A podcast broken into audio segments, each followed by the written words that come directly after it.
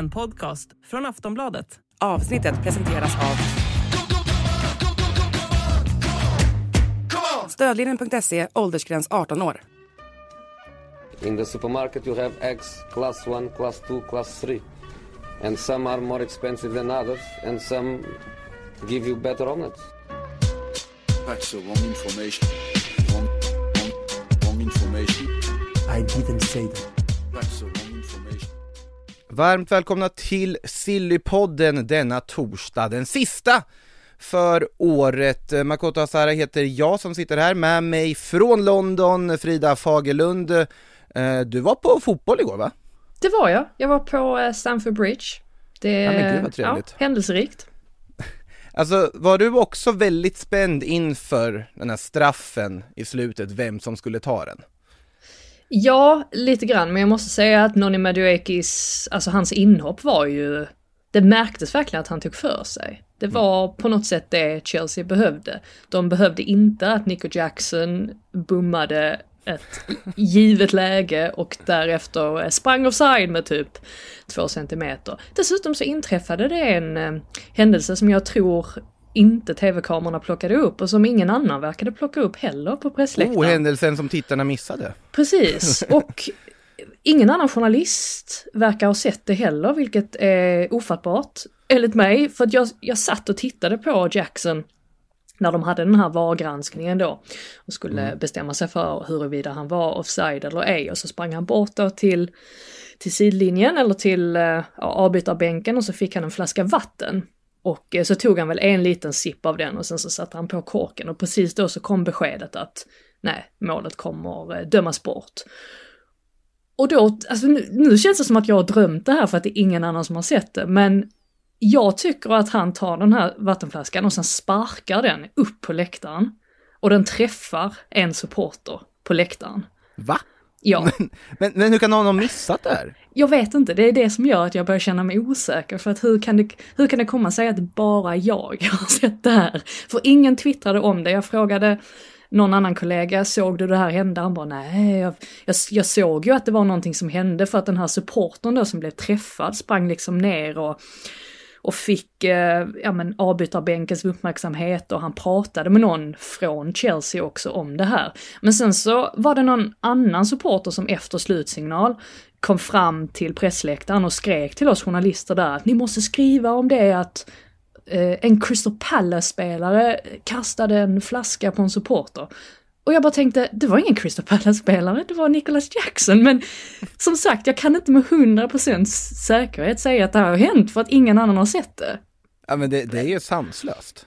Jag vet. Breaking news i Sillypodden, direkt här var Ja. Nico Jackson sparkade en flaska i huvudet på en supporter. Ja, jag, jag får se om FA hör av sig, jag vill ha mitt statement, men jag, jag, ja, du vet hur det är också när alla andra sitter och säger att, eller sitter och säger, de säger ingenting alls, men när vissa då påpekar, eller säger att ja men det var en helt annan spelare som sparkade eller, eller kastade den här flaskan, så att för jag känner att jag, jag är bara inte säker till 99% på att det var Jackson som gjorde det. Men det är inte helt olikt hans karaktär heller, att eh, göra någon sån ja, bråkstake grej på något sätt. Han har ju fått en hel del gula kort för, för sådana grejer. Mm.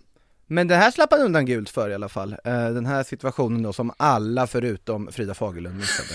Eh, men är det helt otroligt eh, och jag vet inte ens hur vi ska kunna toppa det här i resten av det här avsnittet. Där jag tänkte att vi skulle gå igenom lite Alltså nu börjar, nu kommer ju vinterfönstret, det öppnar ju här vid årsskiftet, det finns jättemycket olika saker att skriva om, det har börjat puttra igång med rykten och sånt.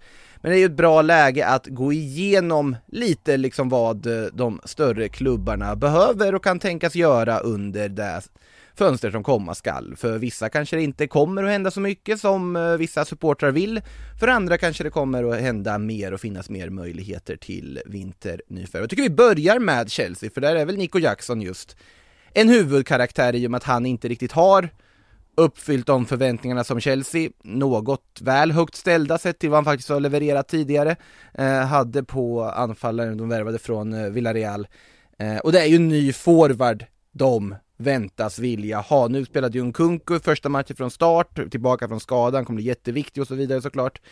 Eh, men de kommer ju gå för en forward, eller hur Frida? Ja, vi eh, kan väl nästan räkna med det. Sen är frågan om man kommer få loss någon redan nu i januari, vem det i så fall blir. Men eh, det är helt klart så att det är det de, det är det de saknar just nu. De har ingen riktig spets där. Jackson i all ära. Jag tyckte ändå att vi, vi gav honom rätt så många chanser här inledningsvis på säsongen och det är inte det att han är, han är ingen dålig spelare så, men man kan inte riktigt lita på honom i de avgörande lägena så att nej, det, det kommer absolut vara det de fokuserar på. Han gör ju mycket rätt på plan, alltså i början mm. så kände jag bara att han gör ju allting rätt förutom att han inte kan göra mål. Ja. Uh, sen har han ju gjort en del mål ändå trots allt i, under den här säsongen. Ja. Varav... Tre, tre mot Tottenham, jag tycker nästan inte att de räknas, även om de såklart gör det men... Ja. Han brände väl också 20 lägen i den matchen. Exakt. Uh, otroligt underhållande att se honom spela dock måste jag säga, för man vet aldrig vad man ska få för någonting och det, det jag har faktiskt varit väldigt underhållen av Chelsea men det tror jag inte Chelsea-fansen själva är kanske. Eh, något som kan underhålla mycket mer för eh, svenska ögon är ju dock om en viss Viktor Gyökeres skulle ansluta, för det har ju snackats om just Viktor Gyökeres till den här anfallspositionen.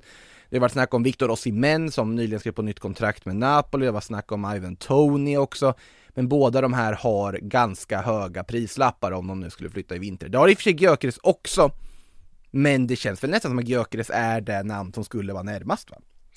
Ja, trots att prislappen kommer att bli hög. Och jag tycker att det hade nog varit en bra flytt också för Gyökeres del för att han kan på något sätt vara säker på att de kommer satsa på honom, att han kommer få chanser och eftersom att det är den positionen som de saknar en spelare på, eller en tillförlitlig målskytt på.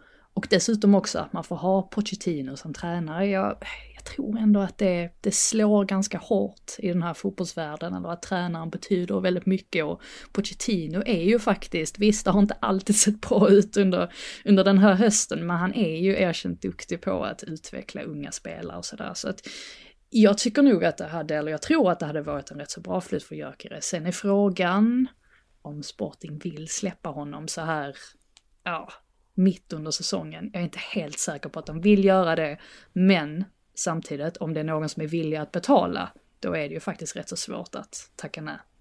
Alltså det finns ju en klausul. Mm. Och klausulen ligger väl på 100 miljoner euro. Och det, det, är en väldigt, väldigt dyr klausul, ja. Men eh, samtidigt, vi har sett Chelsea aktivera sådana för spelare från den portugisiska ligan förut. Vi såg det så sent som för ett år sedan när de värvade Enzo Fernandes efter en hel månads förhandlingar och sen insåg nej vi måste värva den här spelaren nu. Och slog till. Jag kan se ett liknande scenario för Viktor Gyökeres. Problemet här för Chelsea är ju att om de ska göra den här typen av betydande värvningar och fortfarande på något sätt ens vara nära att hålla sig inom FFP-ramarna, då måste de ju också sälja. Och då är ju frågan, vad kan de tänka sälja? För då blir det ju återigen man tittar på egna produkter som genererar mer inkomst på pappret då i bokföringen i och med att de inte kostar en transfersumma. Och då till exempel ja, lagkaptenen, eller i alla fall vikarierande lagkaptenen Conor Gallagher som det har ryktats en del mm. kring, skulle kunna vara en sån spelare, även om han haft en viktig roll att spela här. Ja, jag hade kunnat säga Gallagher i Brighton till exempel. Jag vet inte, jag... Ja, jag har bara en känsla att han på något sätt hade smält in rätt så bra där. Men eh, absolut, det är Gallagher. Sen så har det pratats en del om Ian Matsen mm. nu också, att Manchester City ska eventuellt vara på jakt efter honom. Det var väl till och med The Athletic som rapporterade om det, så då kan man nog räkna med att det är rätt så goda källor. Så att, eh, ja, nej, vi får väl se vad som händer. Matsen som fick vikariera på högerytterpositionen när mm. Nonni Madueke fick inleda på bänken. Var bara en, eh, bara en, var en sån detalj. Madueke var säkert lite irriterad på det när han kom in och vi, visade sin kvalitet. Jag tycker han fått för lite chanser överlag faktiskt, Madueke. Så inte bara på grund av målet och inhoppet i, igår. Eh, du nämnde City, eh, där i förbifarten. City vann ju här mot Everton borta med 3-1. Eh, viktig seger för dem såklart utan Erling Braut Haaland som fortfarande är skadad. Eh, där snackas det väl kanske primärt om spelare ut, även om det snackas en del om spelare in till nästa sommar. Det är ju en viss eh, Claudio Echeverri bland annat, den unga 17-åringen från River Plate, som man försöker göra någon form av Julian Alvarez lösning med. Köpa loss honom nu för en ganska blygsam summa i sammanhanget, låta han eh, ligga på liksom återväxt på lån tillbaka i River under våren, för att sen då göra flytten till eh, sommaren. Men i övrigt så känns det inte som att City kommer att vara alltför aktiva med spelare in under vinterfönstret. Nej, precis. Alltså den enda positionen där man egentligen känner att, ja, men här har de kanske ingen ingen given spelare. Det är ju på vänsterbacken, därav Mm. att det här intresset för Matsen har dykt upp. Men sen samtidigt så har Guardiola, han har inte verkat vilja spela en riktig vänsterback heller, så han verkar rätt nöjd med de lösningarna han har. Så att vi får se hur mycket sanning det ligger i det ryktet eller om, ja, om de kommer agera på det. Men i övrigt så blir det ju precis som du är inne på, exempelvis då Calvin Phillips, att det verkar som att han är klar för Newcastle nu, eller väldigt nära i alla fall. Så det vore ju om Guardiola känner att ja, vill, vill jag in ytterligare en defensiv mittfältare, men han gillar ju att ha en liten trupp. Det är, ehm, ja, han tycker det är lättare att arbeta med en, med en mindre trupp, så att jag är inte säker på att det kommer hända sådär värst mycket. Också en svår sales pitch för Guardiola att göra om man ska ersätta Calvin Phillips. Att gå till en defensiv mittfältare och säga du, vi vill ha en ersättare till Calvin. Men han fick ju inte spela. Nej, exakt. Men Jag vill ha en bättre defensiv mittfältare som jag vågar Phillips. spela, precis. Ja, nej, så att Phillips kommer ju lämna det, det kan vi nog slå fast. Det hade varit helt makalöst om inte han själv, alltså typ Peter och den vingar sig bort därifrån ifall det skulle krävas för han kan inte stå kvar där. Nej, Eh. han är ju lite speciell dock. Man vet inte riktigt exakt vart på mittfältet som han gör sig bäst. Nej. Man har ju sett honom i lite olika roller kontra då landslaget och Leeds och sådär. Och det är uppenbart att Guardiola inte riktigt har, har eh, eller att han inte har fallit Guardiola i smaken. Så att eh, nej, om, om han nu flyttar till Newcastle så blir det in, ändå intressant att se hur han, eh, hur han kommer göra sig där. Mm. Pratas ju om Sergio Gomes bort också som inte heller har legat särskilt högt i ja, Pep Guardiolas rangordning och där kan ju vara då en lucka som kanske Ian Matsen skulle fylla i och med att Gomes är ju just en ytterback. Eh, men vi får väl se, det kommer nog vara ganska lugnt fönster för Citys del i alla fall i, i det här läget, är väl känslan. After the holidays, a little cash goes a long way. The Chime checking account has tons of benefits to help, like fee-free overdraft up to $200 for eligible members, no monthly fees, and thousands of fee-free ATMs. You can even get paid up to two days early with direct deposit. Sign up for Chime today at chime.com slash goals24. Banking services and debit card provided by the Bancorp Bank N.A. or Stride Bank N.A. members FDIC. Spot me eligibility requirements and overdraft limits apply. Out-of-network ATM withdrawal fees may apply. Access to direct deposits up to two days early depends on the timing of the submission of the payment file from the payer. Du nämnde Newcastle och tycker jag vi tar oss till Newcastle också för att det är ett lag som faktiskt behöver göra lite mer. Calvin Phillips nämnd som sagt, han kommer väl in och tar då den här mittfältpositionen som de akut bör förstärka i och med Sandro Tonalis avstängning och skador och allt möjligt i övrigt. Men man tittar väl också på målvakt, eh, beroende på hur det står till med Nick Pope, eh, som ju kommer vara borta.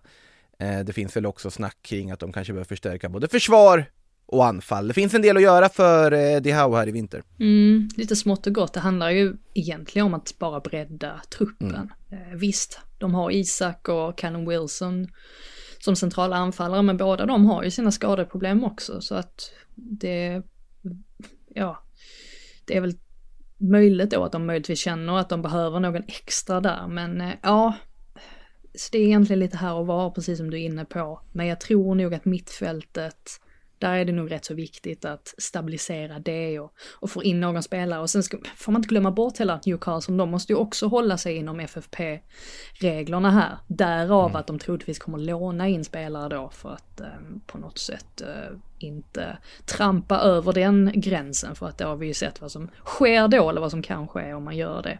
Så att eh, ja, nej, det är väl där man, man tänker sig att det kommer eh, hända grejer då.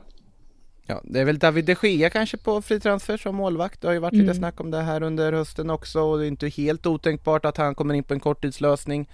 Eh, du var inne på det just med FFP där att de har ju inte heller gjort några alltså betydande försäljningar. Absolut, eh, Alan Sam Maximan flyttade till Saudiarabien men det är inte så här jättestora summor in. Eh, som till exempel Chelsea har ju sin ungdomsakademi och bara liksom välja och vraka ur så de kan skeppa spelare hit och dit för att finansiera allt de gör. Men Newcastle har ju inte riktigt den bredden och spelare. Då ska man skeppa liksom Paul Dammet och Emil Kraft. Du, du kommer inte få in liksom pengar för det.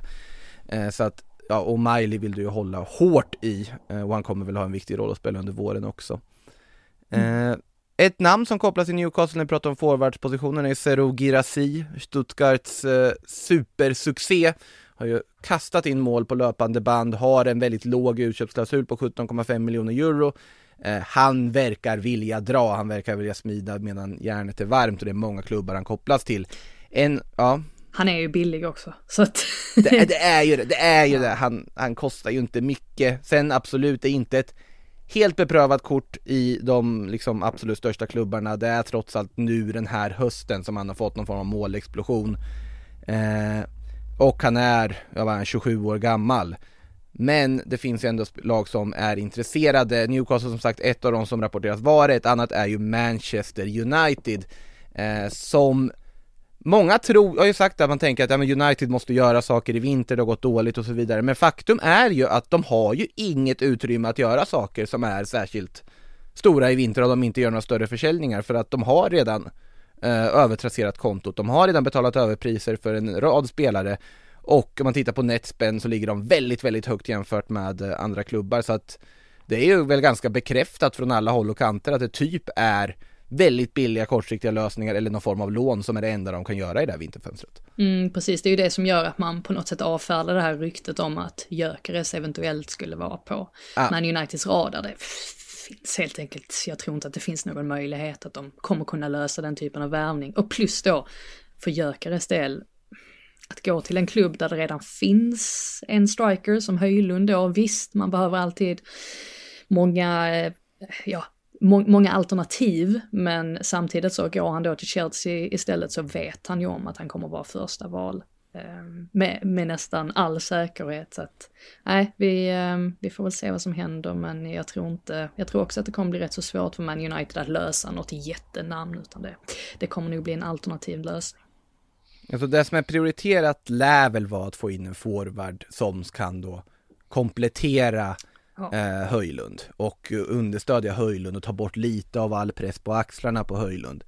Eh, jag har blivit utskälld efter tidigare Sillypoddar för att jag har propagerat för Alvaro Morata. Jag tror ju faktiskt helt ärligt att Alvaro Morata skulle vara för dyr att lösa. Med tanke på det ja. senaste man har läst om United ekonomi så att Kanske ska men... ge upp om honom också eller? Nej, ja, de har varit kanon i Atletico under, under hösten så jag ger aldrig upp Alvaro Morata. Men eh, däremot så här, Guirasis prislapp är ju något som mm. säkerligen lockar United. Jag tror Guirasi skulle lockas av United. Sen är jag inte övertygad om att det är rätt väg att gå för dem. Eh, tänker ett annat namn som har florerat lite i ryktesfloran är Josef Enesiri i Sevilla. Som eh, också har en ganska låg utköpsklausul, 26 år gammal. Har ett bra track record, inte gjort jättemycket mål i Sevilla den här säsongen, men då har också Sevilla som lag varit ja, helt under isen. Så att det är, det är en beprövad målskytt, bra i luften och så vidare. Men allt det här förutsätter ju, du måste inte ens liksom köpa det till Anthony Martial, vars kontrakt går ut i sommar. Eh, det förutsätter också att du kanske inte ska behöva värva en back också, för att snacket är ju att Rafael Varan kan lämna. Ska man förlita sig på Johnny Evans plus ett gäng skadade mittbackar resten av säsongen, kanske behövs något mer på den positionen också. Eh, vad hade du prioriterat om du var United-ledningen, Frida? det är nästan prioritet en central mittfältare, men det är, det är ju ett, helt annat, det är ett helt annat spår på något sätt. Mm. Uh, nej, det, det är ju tufft det där med Man United för att i och med att man har många spelare på skadelistan så skulle man värva in en ny mittback, ja men man vet ju också att det kommer komma tillbaks mittbackar, så helt plötsligt kanske man står där med alldeles för många. Det finns ju den mm. risken också på något sätt, så att um, det gäller att vara smart, vilket Man United kanske inte alltid har varit på värvningsfronten. Men Nej, just, just nu så känns det väl som att en backup till, till Höjlund eller ja, någon som kanske till och med mm. är ännu bättre än honom borde vara prio ett. Men samtidigt så har jag ju förståelse för att man kanske inte kan lösa det.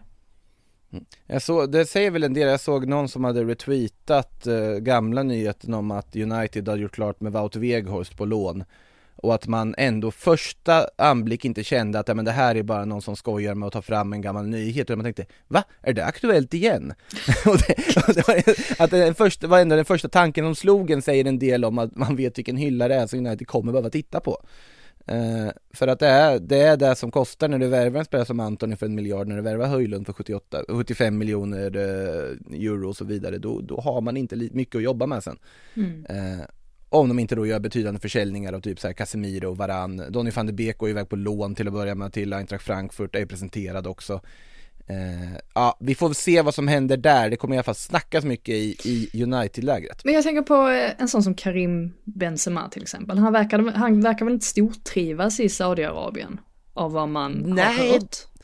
Han är väl ganska rejält kritiserad i Saudiarabien från Mm. det man har hört och han eh, såg väl till att Nuno fick sparken, Alitti hade långt ifrån titeln, Eh, han får öknamn i Saudiarabisk press Tänk, Ja. tänk att ha, ta in honom på lån. Under våren. och då betala den lönen hur? alltså, alltså han, är, han, är, han är liksom två miljarder per säsong. Åh, men kan, inte, kan man inte komma överens om någonting med saudierna eller? Pengar är ju inte viktigt för dem. De kanske fortsätter att betala hans lön. Nej, jag vet inte, jag har ingen, eh, ingen aning. Men eh, det är ju någonting sånt, D- då hade vi snackat på något sätt. Om man United Alltså, hade om, kunnat om, lösa. om, ben, om Benzema ska till Premier League på lån, då är det bara en klubb han ska till och det är ju att vi får slut på det här Arsenal-ryktet en gång för alla och att han skriver på för. Ja, det. Det hade varit en otrolig eh, slutpunkt på allting. Nej, jag, jag har väldigt svårt att se Benzema flytta på sig. Jag tror han snarare checkar ut då. Jag tror att de, han bara lägger ner karriären och, och cashar ut. Ja, ja. Och det är ju inte rikt, absolut på ett halvårslån. Ja, Men tänker en sån här Henke Larsson-lösning. När det bara helt plötsligt kommer, Mm. kommer någon som har varit eh, på den absoluta toppen men kanske trappat ner lite. Men så känner han att ja, men jag har ett äventyr kvar i benen. Någon så finns det ju ett namn som, som känns faktiskt genuint realistiskt. Vem? Och det är ju Mauro Icardi. Ja, okej.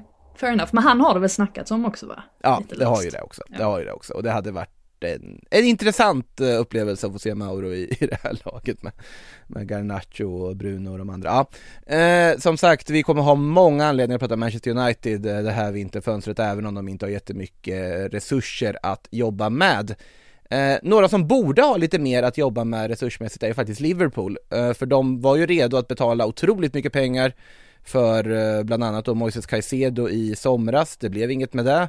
Klopp gick väl ut och sa att ja, vi, kom undan den, där hade vi tur. I efterhand, eh, det var ju lätt för honom att säga där och då såklart när Liverpool ändå har kommit igång och hittat en stabilitet och sånt.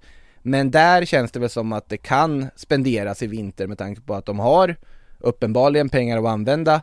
De har inte ett läge där de nödvändigtvis måste sälja massa spelare för att finansiera. Eh, sen absolut, FSG håller alltid hårt i plånboken och så, och det, det vet vi från tidigare att det, då ska det vara välscoutat, det ska vara med en plan och allting. Eh, men de behöver ju faktiskt också värva försvarsspelare.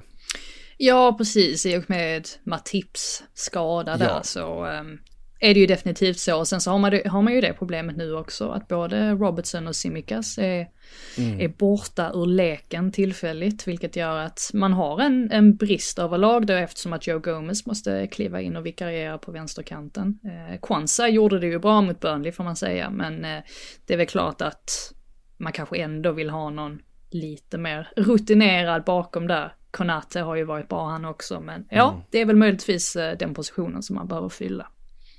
Ja, det var vänsterback var det lite snack om Anthony Robinson i Fulham, men det sköts väl ner ganska fort, de ryktena. Eh, man, känner, man känner ju spontant att de borde ju ha en, en spelare som kan hantera och spela både typ högerback, eh, om man vill ha Trent längre upp, och mittback och fungera då i den här ja, trebackslinjen som det blir när Trent kliver upp. Och då, då undrar man ju varför man inte gick hårdare på Benjamin Pavard i somras som jag faktiskt hade varit alltså speltypsmässigt helt perfekt. Eh, jag tänker ju att man borde egentligen åtminstone ge ett försök att eh, vifta lite sedlar framför Barcelona som behöver vända på varje krona. För där finns både Jules Condé och Ronald Araujo som båda hade passat Liverpool-profilen helt perfekt. Sen är det svårt att lösa kanske. Sen är jag lite förvånad över att, för det har ju snackats om Lloyd Kelly till Tottenham. Det är lite överraskande ändå att det ryktet inte riktigt har funnits till Liverpool. För att det är ju en sån där mittback som, ja, eller försvarare, han kan ju spela på, på många olika positioner i backlinjen. Eh, en sån där spelare som eventuellt då hade funnits tillgänglig i alla fall. Eh, nu är det inte säkert att Bournemouth vill släppa honom, men eh, hans kontrakt går väl ut i sommar tror jag, eller rätt så relativt snart i alla fall.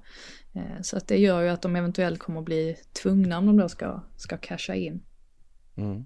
Gonzalo Inacio är ett annat namn som har eh, dykt upp ganska mycket, Sportings eh, skicklige mittback, men det är andra klubbar som också eh, verkar vara ute efter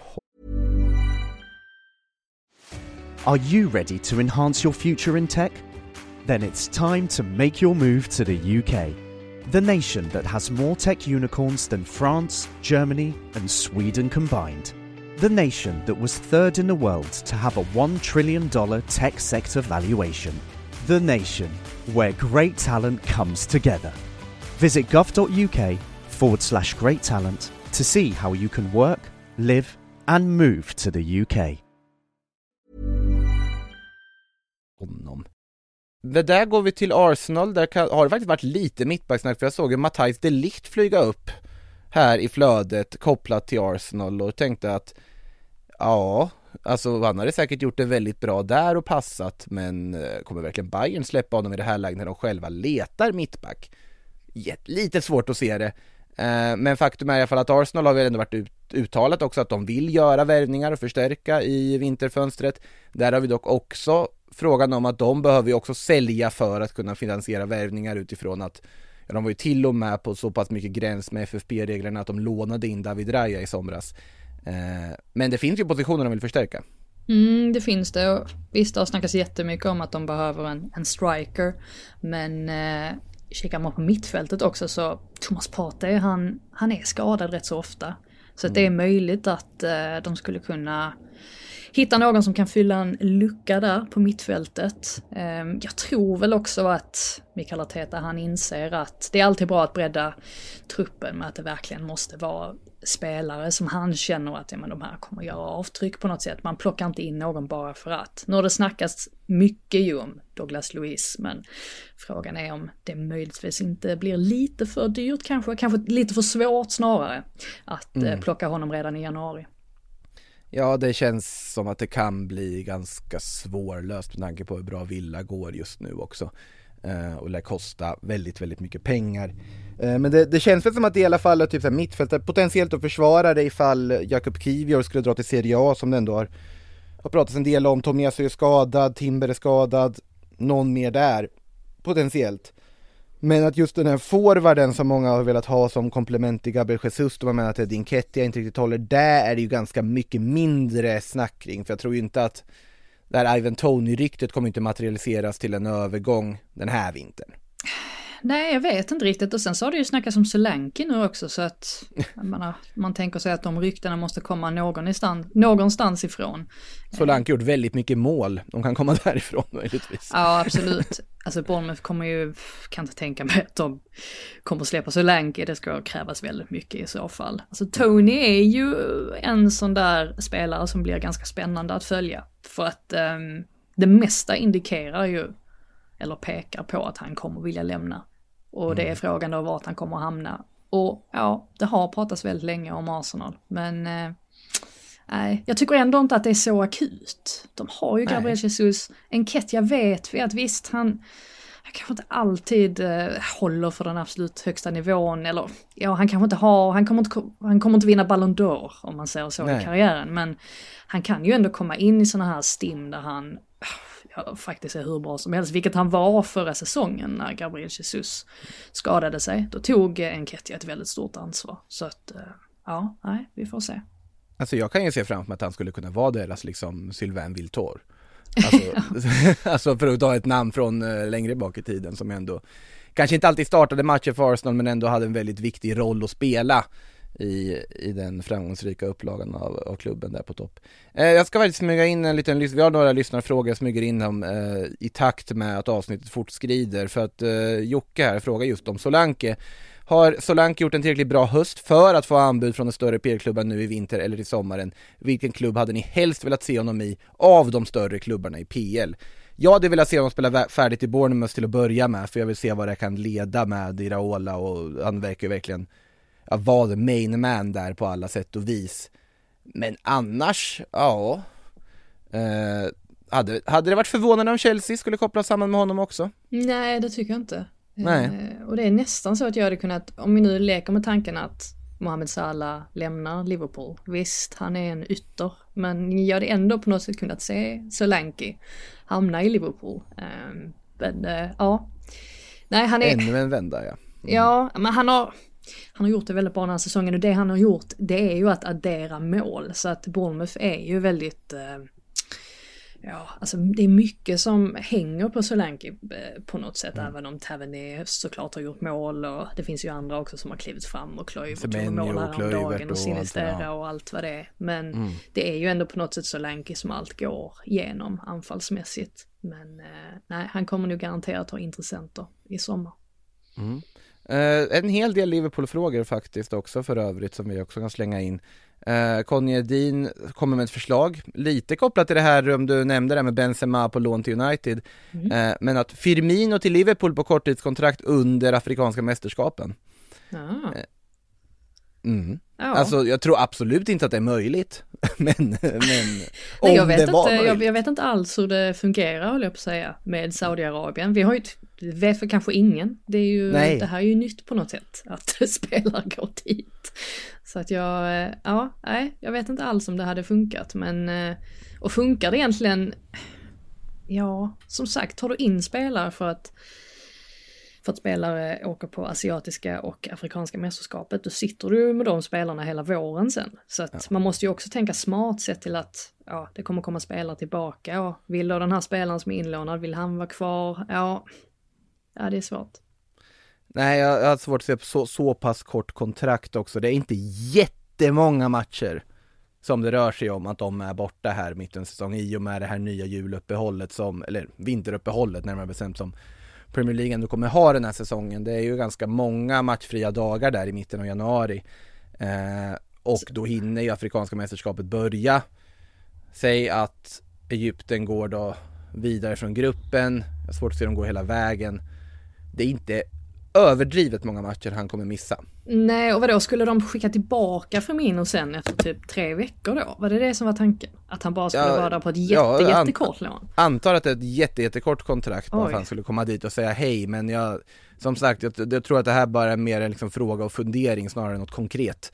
Eh, Påminner li- lite om Felix som eh, som, som, ja, vad, vad gjorde han? En match var jättebra i den, fick rött kort, var avstängd i typ, ja men hur länge som helst, spelade knappt. Eh, Ja det var, det var ett haveri, först- stackars Graham Potter alltså. Det var, ja, det var kul. helt, helt sanslöst den, den säsongen.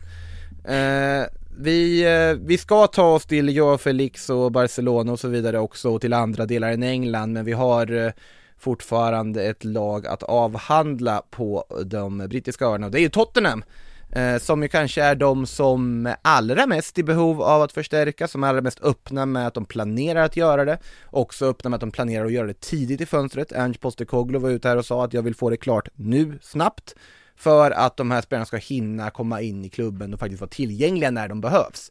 Och inte då att om man värvar dem på deadline day, ja då kommer de kanske vara liksom färdiga och komma in och spela i systemet i liksom slutet av februari. Eh, och då är det inte långt kvar av säsongen och mer. Så han tänker ju lite åt det här hållet, det som Chelsea alltså inte gjorde med Joao Felix.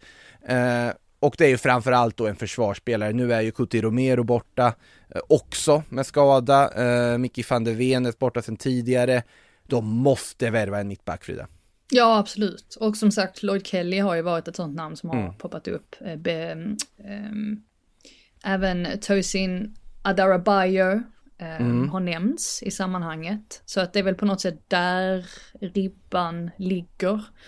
Ehm, så att ja, någonting måste ju till i alla fall för att det här kan ju inte fortsätta. Ehm, vi har ju sett också att det kanske inte riktigt, eller Tottenham kan inte riktigt spela det spelet som Postecoglou vill att de ska göra eh, när de har eh, tvingats spela med mittbackar som kanske inte nödvändigtvis är mittbackar. Så att eh, det kommer nog definitivt att hända någonting i alla fall.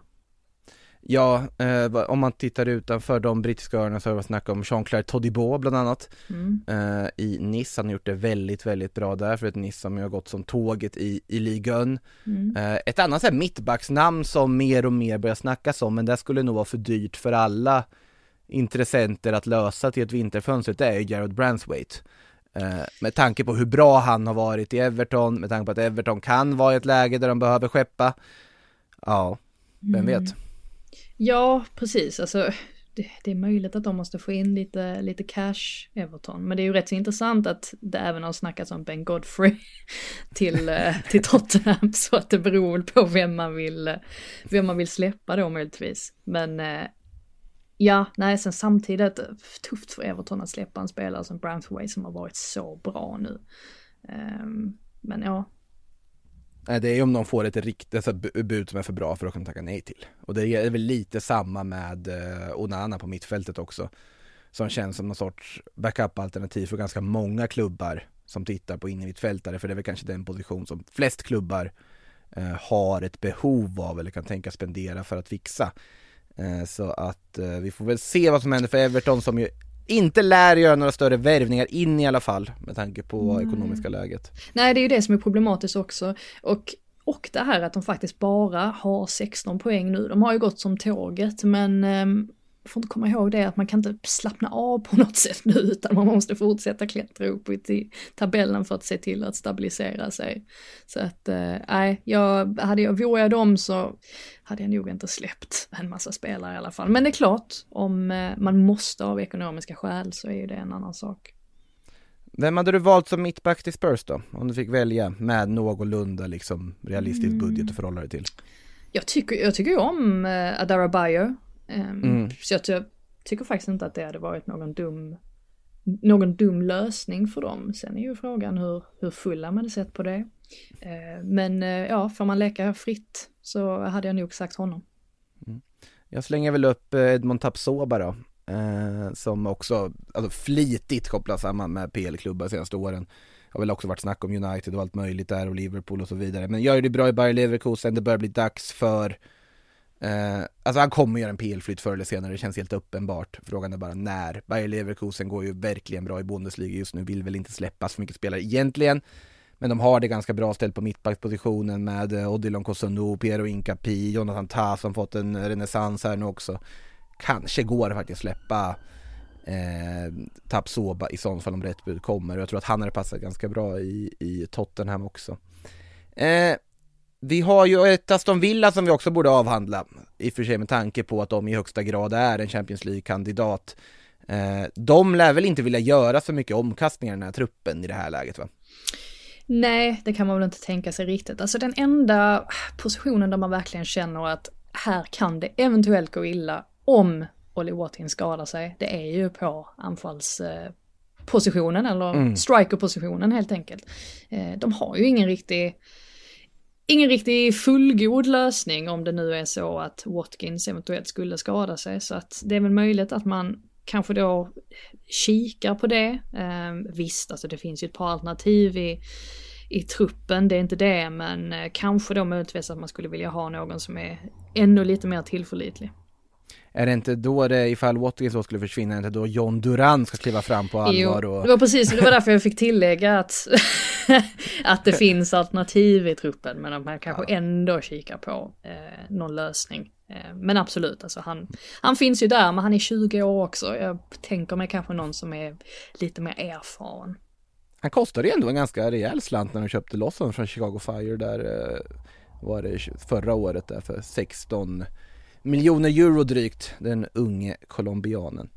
Eh, med det sagt så tycker jag vi rör oss till Spanien, eh, nämnde Barcelona här förut, de har ju presenterat en eh, vintervärvning redan i form av Vito Roque, den 18-årige anfallaren med smeknamnet Tigrinho eller El Tigre.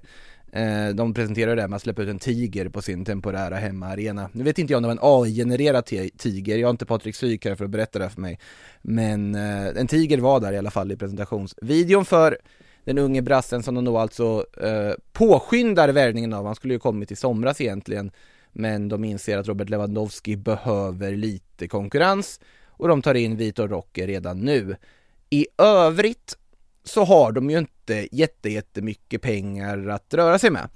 Eh, och det pratas väl snarare om att de kan tvingas sälja spelare i och med att de akut behöver få in pengar, tillräckligt akut för att skicka laget på en träningsmatch i Dallas mindre än ett dygn efter slutsignalen mot Almeria där innan jul. Så då blev de skickade på ett plan till Dallas tur och retur för att spela en vänskapsmatch och de skulle få 5 miljoner euro tror jag klubben och det behövde de. Eh, ja, vad, vad säger du Frida, vad ska vi vänta oss av Barca? Kan man veta det? Ja, nej, men jag tänkte ju nästan att de hade gjort sin business nu i och med att, och i att han kom in. Men, äh, jag vet inte, ska man dra igång Frankie de Jong till Man United igen? Det var ju ett tag sedan senast, eventuellt. Alltså det, det är en smärtsam förhandling om man ska dra den igen med tanke på att United inte har pengar, Barca bara behöver pengar. Frenkie de Jong vill inte gå någonstans. Nej, och nej, Ten det, det Hag sitter mitt i, mitt i Just hela det där. Dra den en vända Tänk till. uh, Rafinha måste väl ändå ha många Ja. intressenter tänker Mm. man, typ Arsenal kanske, bara leker med tanken. Uh, ja, Koundé Alltså, det till var ju Chelsea en- har vi hört för. Ja. Mm. Men det var liksom en överflödslyx som jag inte tyckte riktigt de hade råd med och behövde när de värvade Rafinha från första början. Eh, och det är en spelare jag tror att om det rätt bud kommer från en Premier League-klubb, då är man nog intresserad av att sälja. Jag såg honom som en potentiellt perfekt ersättare till Mahrez i City. Men eh, det finns ju andra klubbar som kanske skulle ha mer behov av en sån spelare idag eh, än vad City har som vi plockade in eh, Doku där istället på den positionen. Framförallt för Barcas del gäller det väl att hålla hårt också i Ronald Araujo. Han vill ju vara kvar själv. Men det Bayern München vill ha, någon Premier League-klubbarna lär vara på också. Jules Condé är ju inte liksom helt onåbar om man lägger ett bud för honom med tanke på och samtidigt så behöver Barca en ytterligare en innermittfältare och där finns det ju också polemik i att Xavi har ju sagt att han vill ha en mittfältare, Deco har sagt att det är inte på kartan att vi värvar en mittfältare. Eh, och vi får väl se vad det landar i. Lo Celso var det snack om innan, men nu har ju han faktiskt börjat få speltid för Tottenham och Mm. ändå spelat en roll där. Han lär inte flytta därifrån på ett lån. Eh, Nej, jag tyckte det var lite småmysigt då att Laporta sa att ja, men ska vi göra en deal nu i januari så måste det bli något liknande Edgar Davids från 2005. Det är bara fint att en, en eh, värvning för nästan 20 år sedan och fortfarande, det, det gjorde, han gjorde ett sånt pass stort avtryck hos Laporta att det är fortfarande det man hänvisar till. Att eh, man vill få in en spelare som på något sätt kan, kan ge effekt då. Så Det- på, på, ett, på ett lån över, eh, över våren. Eh, Det var ju väldigt många år de pratade om att de behöver värva en ny Henke Larsson. Eh, Det var jättemånga år de pratade om att just en ny Henke Larsson skrev de i Sport och Mundo Deportivo och så vidare. Underbart med sådana referenser Ah. från en miljard år sedan. Jag, jag gillar det verkligen. Det ska också komma ihåg att när Edgar Davids kom till Barcelona, de låg ju typ här 17 plats i ligan, höll på att åka ur och allt var kris. De, han räddade ju dem, får man Ja, säga. han räddade dem helt och hållet. Han räddade Laporta också för att det var ju det som i sin tur banade vägen för att Laporta skulle presentera David Beckham som inte blev David Beckham utan Ronaldinho och på den vägen gick det. Så att eh, Eh, otroligt fin tillbakablick där med Edgar Davids. Sen vem som skulle vara deras Edgar Davids här och nu. Eh, helt annan fråga. Eh, och eh, desto mer svårbesvarad får man väl ändå säga. Eh, vi ska väl nämna också för er som eh, läste Mundo Deportivo i morse att nej, Florentino Perez har inte erbjudit Barcelona att ah, men ni får ta Kylian Mbappé som tack för att de är med i Super League-projektet med då kravet att Mbappé får inte använda sin högerfot i El Clasicon. Det var alltså ett aprilskämt för idag är det den 28 december. Dia de los Inocentes i Spanien, där de bara driver om allt möjligt. Så tyvärr så har inte Joaquin gjort comeback i Betis heller. Eh, och då har vi fått det ur, ur vägen. Eh, Det var inget men- bra skämt heller, eller? Det var, det var ju så, det, var, det var så osannolikt att man, man hade väl aldrig gått på det. Alltså det dummaste med det här Mundo Deportivo-skämtet om Kylian Mbappé är att om du backar bandet ett år exakt till 28 december förra året då hade de ett skämt om att Kylian Mbappé var klar för Barcelona för att Perez hade gett godkännande i och med ett byggprojekt de gemensamt skulle göra. För att Perez byggföretag skulle då ta hand om, om liksom ombyggnationen av Camp Nou. Eh, Så det var exakt samma skämt, bara att Perez gav sin välsignelse med liksom av en annan anledning den här gången. Så att det var väldigt dålig fantasi från, från Mundo Deportivo tycker jag. Lite tråkigt. Eh, så kan det gå. Eh, på tal om Florentino Perez och hans Real Madrid så lär inte de släppa några spelare. Vi kommer föra rykten om Aurelien Chouameni och Fede Valverde även den här vintern.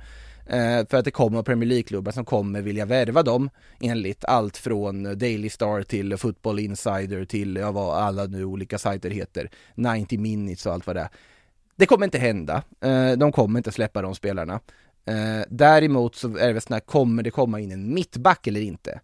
För att, eh, ja, vad heter det, David Alaba är ju korsbandsskadad, Eder Militao är korsbandsskadad och just nu har de Antonio Rydiger och Nacho att tillgå och då ska man slåss på tre fronter under, eh, under hela våren.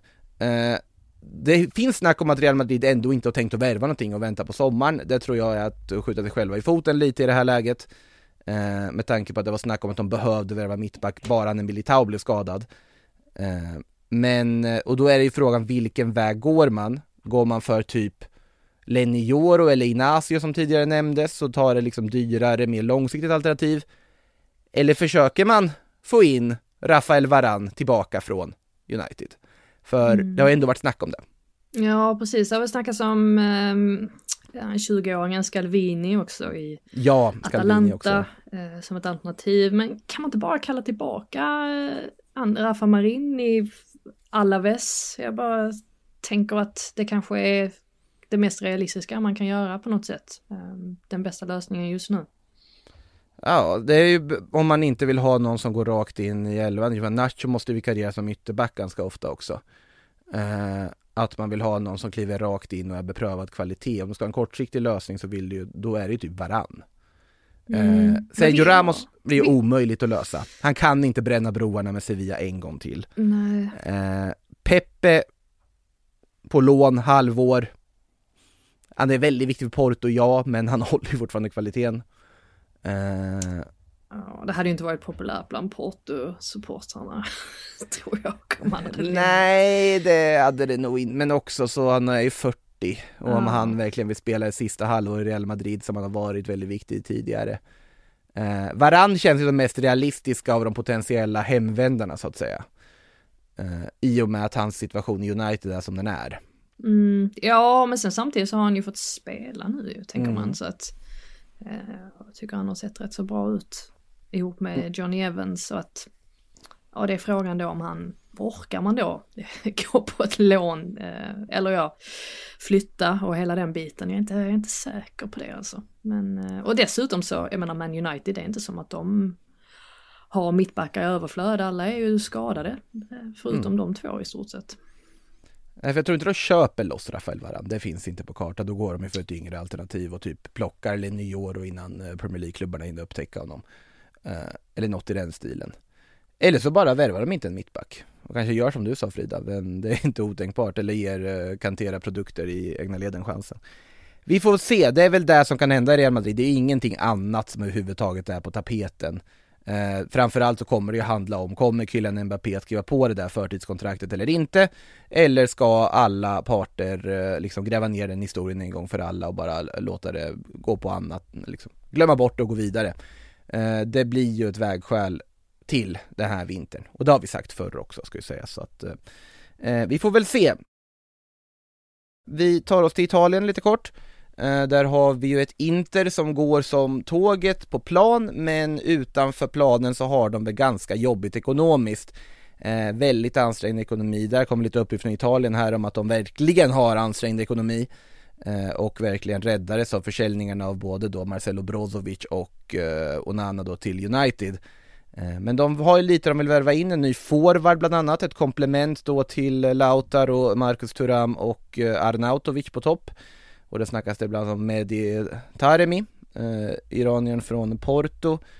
Eh, det finns ju även snack om att de vill värva en ny högerback, en ny wingback och då snackas det om Tejon Buchanan, kanadensaren från Klubb Brygge. Eh, han har ju kopplat till Premier League-klubbar också tidigare Frida, Buchanan. Mm, precis. Alltså när man tänker på Inter så handlar det väl egentligen för dem om att bredda truppen. Det har ju Ja. inte gått sådär jättebra när Inzaghi har roterat laget. Och vilket man behöver göra om man slåss på Mm. flera fronter. Så att det är väl antagligen det de fokuserar på skulle jag tro. Ja, de roterar sig ut ur eh, Coppa Italia i alla Mm, fall där mot eh. Bologna. Ja. Eh, bland annat, nu var det i och för sig ganska många ordinarie, ja Lautaro gick ju typ sönder när han spelade också. Eh, nu var det väl ändå okej med honom i slutändan men det var ju ganska oroväckande scener där och då för Inter. Eh, lokalkonkurrenterna Milan har lite jobbigare, nu har de ju Zlatan Ibrahimovic i någon sorts styrelseroll där och jobbat för eh, Redbird Capital, får se vad han ska hitta på. Ja, vad gör han egentligen? Någon sorts styrelseroll? Jag har ingen aning om vad han har för ansvarsområden, men ja, ja.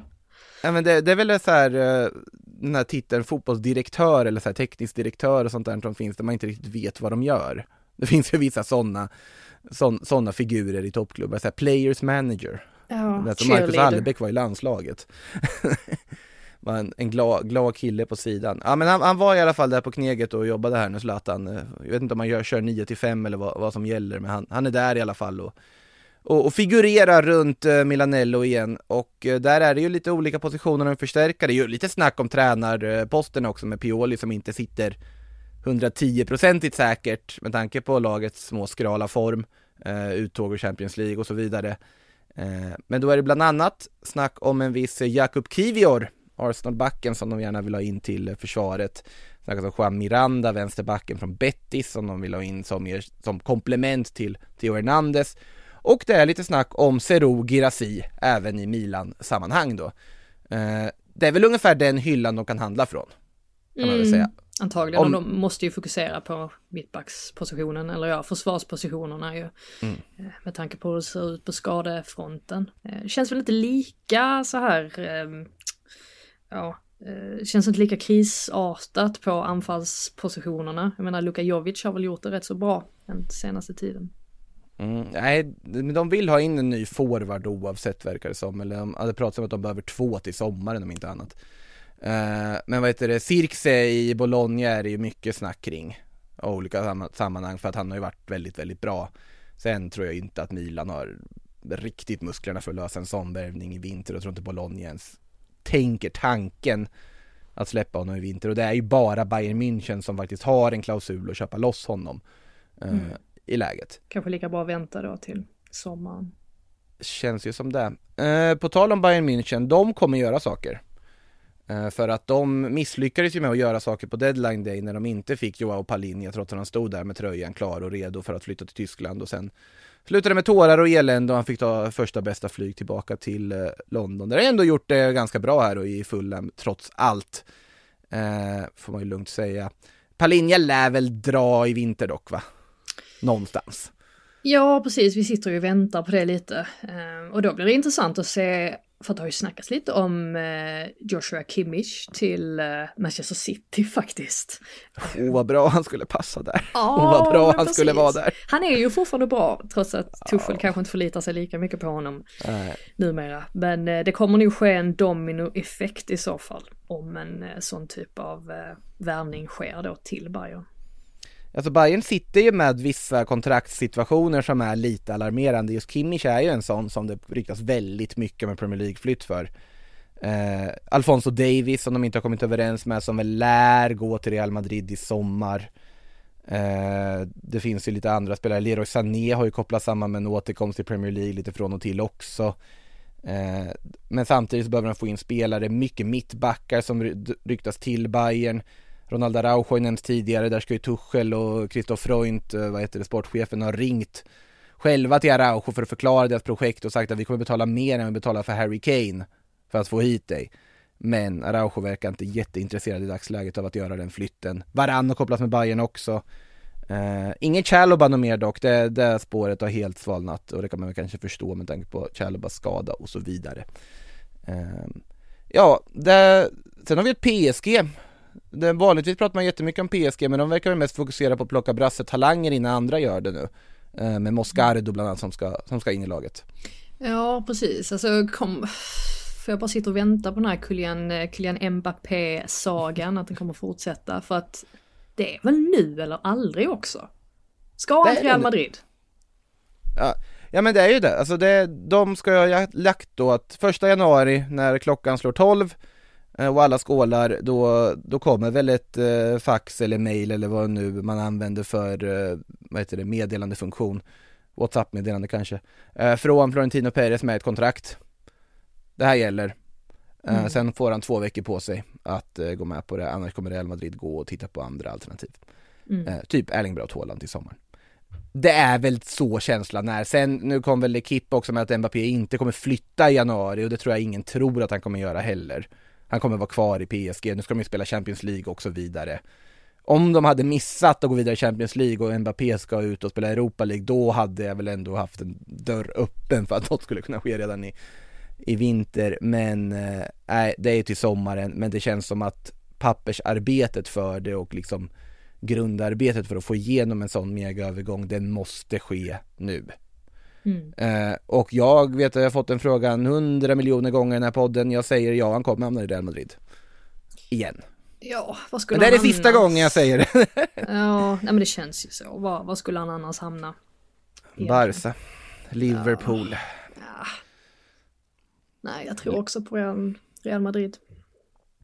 Ja det är väl den då, Salah till, eh, Saudiarabien och Mbappé till eh, Liverpool eh, sommaren 2024 när Real Madrid har gett upp? Jo, det är klart, men jag vet inte, det är... Nu känner jag inte Mbappé på något sätt, men får man inte lite inte känslan heller. av att, han, av att han vill till Real Madrid? Jag vet inte. Det... Det, det är ju det man har tänkt hela tiden. Sen har han ju på något sätt på egen bevåg gjort sitt bästa för att på något sätt vricka på den synen av honom när han eh, när han har agerat som han har gjort i alla situationer. Sen tror jag väl inte han är helt hundraprocentigt nöjd med att hänga kvar i PSG. Men det är inte otänkbart att han väljer att förlänga med dem. eh, och stanna där. Det är absolut inte otänkbart på något sätt. Så, eh, nej men det blir ju väldigt intressant att följa här under eh, fönstret som kommer i alla fall. Eh, ja, eh, vet inte vad man kan säga, Juventus borde man kanske säga någonting om också, de behöver ju värva mittfältare bland annat. Snackat om Pierre-Emil Höjbjerg som eh, en av spelarna på deras önskelista. Eh, Pogba är avstängd, Fagioli är avstängd, de måste ha in in i mittfältare, de har inte så mycket pengar. Höjbjerg vill väl dock inte Tottenham kanske släppa i det här läget på lån. Han behövs väl ändå i truppen. Nej, antagligen inte. Och sen känns det ju som att Juventus, de har inte så många matcher att spela under våren om man tänker sig att de har inget Europa och sådär. Så att det blir ju en match i veckan. Då klarar man sig kanske på de spelarna man har också fram till sommaren då. Att det kommer hända saker då istället. Alltså Juventus, rätt väg för Juventus att gå i det här läget skulle jag säga att bara om du ska värva, då ska du värva ungt. Då ska du värva unga spelare som kan vara på återväxt. De har gjort jättebra resultat den här säsongen. Eh, och eh, lär ta en Champions League-plats om de inte kollapsar fullkomligt. Eh, gäller ju att hålla i den nu. Men de måste ju bygga någonting för framtiden och bygga en ny stomme. Och då vet jag inte om Pierre-Emil Höjbjerg är rätt val för dem i det här läget. Nej, Eh. jag, jag tycker att Höjbjerg är rätt så eh, endimensionell egentligen. Ja. Eh, ja. Och det har jag alltid tyckt. Han, han, han gör sitt jobb, eller han gör ett jobb, men eh, jag tycker väl inte att han, han ger, han ger inte så mycket mer än så. Är han en, inte för att eh, liksom vara allt för hård mot en, en kollega så att säga, men är han någon form av dansk Pontus Wernbloom? Alltså med tanke på att Höjbjerg var ju ändå liksom offensiv frejdig ung mittfältare i Bayern en gång i tiden. Ja, Och sen blev Eh. han något helt annat och jag tänker på Wernbloms utveckling åt det hållet också. ja, på ett sätt kanske. Jag tycker att han är lite styltig. Det är nog det ordet jag skulle, jag skulle använda om Höjbjerg. Och som sagt, han kan göra jättefina insatser. Men eh, jag tycker ju absolut inte att han bidrar med lika mycket som några av Tottenhams andra mittfältare som Bissouma Mm. och Sarr som har varit väldigt bra också under säsongen. Verkligen. att, eh, ja. De har ju ganska mycket mittfältare egentligen Tottenham om man tittar på liksom så här, man, Bentancur är skadad i och för sig men liksom Gio Lo Celso, det finns mycket kvalitet där också i Mm. att ta av om du, om, Olli, Olli Skip ska vi inte glömma heller som ju ändå gör ett gediget arbete när han, när han väl får chansen att spela. Eh, vet vem vi inte har nämnt i hela den här långa genomgången vi har haft om alla möjliga lag och namn och så vidare? Det är ju Jadon Sancho. ja, just det. Han glömmer Vad ska han göra? Eh, ja, Man United vill väl allra helst sälja honom. Men eh, det kanske inte finns så många som är villiga att öppna plånboken för honom. Så jag vet inte om man då kommer att försöka hitta en lånelösning. Men sen samtidigt, han sitter på en ganska hög lön. Så det är frågan om någon ens kan låna honom. Så att, eh, ja. Men det är helt klart så att han har ingen framtid i Man United. Jag menar, nu har man inte ens knappt sett några rapporter om honom i tidningarna och det indikerar ju på något sätt att eh, till och med media har gett upp om att han kommer komma tillbaka. Mm, nej, det känns väl som att eh, han måste bort. Det har ju varit lite snack om Juventus där, men ja, då blir det ju också långdragna sega förhandlingar för att på något sätt försöka lösa ett lån där United ändå kommer att börja betala majoriteten av hans lön. Eh, men det är väl en sån lösning som kommer bli fallet, det är svårt att se något annat. Mm. Eh, vi tar en, två frågor där innan vi helt stänger butiken. Eh, återkopplat till Liverpool igen, för Eje frågar Liverpools behov för att ge dem den sista knuffen och gå hela vägen till titeln i år. Eh, ja, jag skulle ju säga att det är att bredda försvarslinjen, få in en till bra mittback. Annars tycker jag att de har ganska bra material eh, överlag. Och de behöver ju inte sälja något, Liverpool. Det är ju inget som känns överflödigt i Liverpools trupp just nu. Nej, jag tycker inte det heller. Eh, alltså det de har är ju att de har en rätt så fin bredd offensivt. De har Mm. förmågan ändå att ja, men, vända matchbilder och ja, eller om det då, eller om man behöver förändra en matchbild så har de spelare på bänken att, eh, att sätta Mm. in. Så att eh, jag tycker ändå de har en fin variation på dem. positionerna. Så att Mm. ja, det är väl lite längre ner i planen i så fall som man eventuellt kan förstärka. Och eh, slutligen en fråga från eh, Michel Sundell. Några rykten om Leeds-spelare ut. Summerville, James, eh, Jorginho Rutter, Rodon exempel, som gått riktigt bra under hösten. Alltså Crescencio Summerville borde väl finnas på, alltså undre halvan Premier League-radarn, kan man ju tycka. Ja, vad intressant ändå för att man tänker ju inte riktigt på Leeds nu tyvärr. Inte lika Nej. mycket i alla fall eftersom att de, de spelar Jag tyckte det var dags att ta upp det, det var, det var bra att du gjorde det här Michel, för att eh, Leeds behöver vi tänka mer på. Ja, men absolut. Men eh, ja, nej jag vet inte riktigt vad, ehm, vad som försiggås där. Det är ju, alltså det är ju egentligen Leicester som har, de har ju gått som tåget får man ju säga. Mm. Toppar väl tabellen dessutom så att där finns ju eh, säkert en del spelare som, eh, ja, men som folk håller lite koll på, eller i alla fall spelare som kanske har varit överraskande bra som Harry Winks som ju hamnade där och har gjort det väldigt Mm. just fint. Det, Och, just det. eh, Connor Cody hamnade ju också där. Eh, och så vidare. Mavi, Mavididi lär ju också ha liksom eh, folk som kikar på Dewsbury Hall såklart. Eh, Mm. Men sen om man tänker på typ en sån som Daniel James exempelvis Mm. så, ja, alltså Man United var ju ett steg för högt för honom. Så det är mycket möjligt då att någon klubb lite längre ner i, i tabellen att han skulle passa in bra där. Uh, Somerville har ju ändå 11 plus 6 den här säsongen också, Mm. verkligen tagit chansen när han har fått den här nu och faktiskt vara en bärande spelare, vilket han ju inte var kanske under Premier League-tiden.